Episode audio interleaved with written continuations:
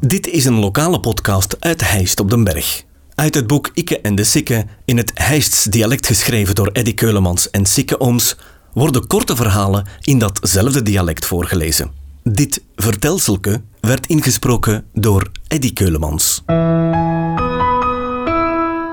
Mijn ontmoeting met een krak. Deze vertelselke gaat wij over mijn grote passie, de voetbal. Ik weet dat er een hoop vrouwelijke luisteraars gaan afhaken, maar dat is niks.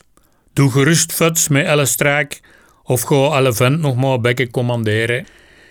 Ik was een jaar of acht als Nonkel Mon, de zoon van Jeff de Vries en van Sin van Missik, maar regelmatig meenam naar de Lierse of de Malinois. Want overal waar daar balken rolde, daar was de Mon aanwezig.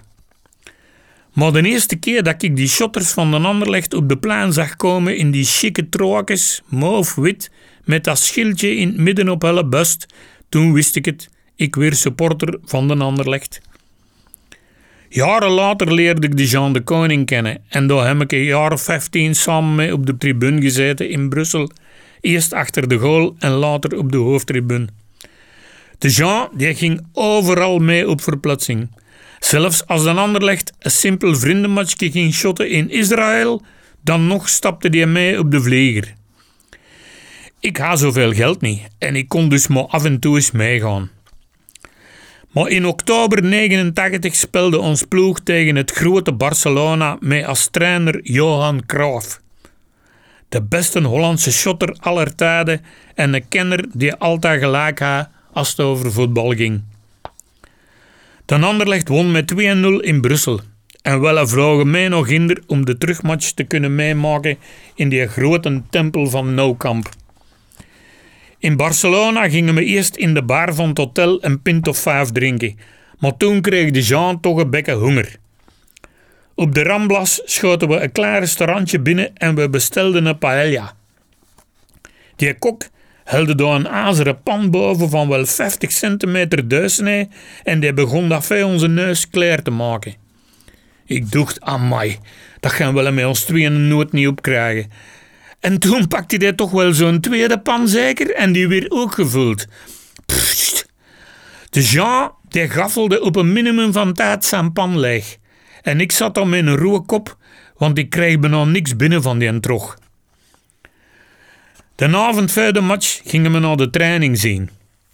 En in Jons kreeg ik een magere figuur in het snutje die van achter een pilair achter de goal ook stond te loeren.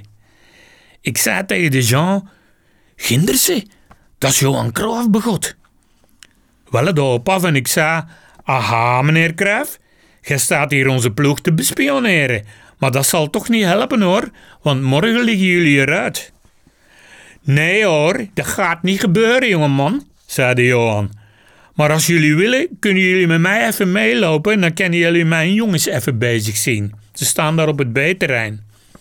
Wat een vriendelijke mens was dat. Die nam ons persoonlijk mee naar de B-plan en daar was Barcelona aan trainen. De volgende dag, 1 november 89, was dan de grote match. Dat stadion zat boemestevol met honderdduizend Spanjaarden en een stuk of 200 Belgen. Het weer 1-0, het weer 2-0. Ik scheet bijna in mijn broek van schrik. Of van die paella van de vorige dag, dat kan ook. Maar in de achtste minuut van de verlengingen kwam er een vuizet van op rechts van Charlie Moussonda. En de Mark van der Linde kopte die aan de tweede paal proper binnen. De Mark liep met zijn armen omhoog in de richting van de cornervlag. En wie zat daar, denkte? Op de slechtste plaats van heel het stadion. Ons stoelke een halve meter leger als de plein. Ik en de Jean, met nog een stuk of vijftig Belgen. Bekijk de beelden maar als je wilt. Ze staan op YouTube. En als je heel goed kijkt, dan zie je ons zitten.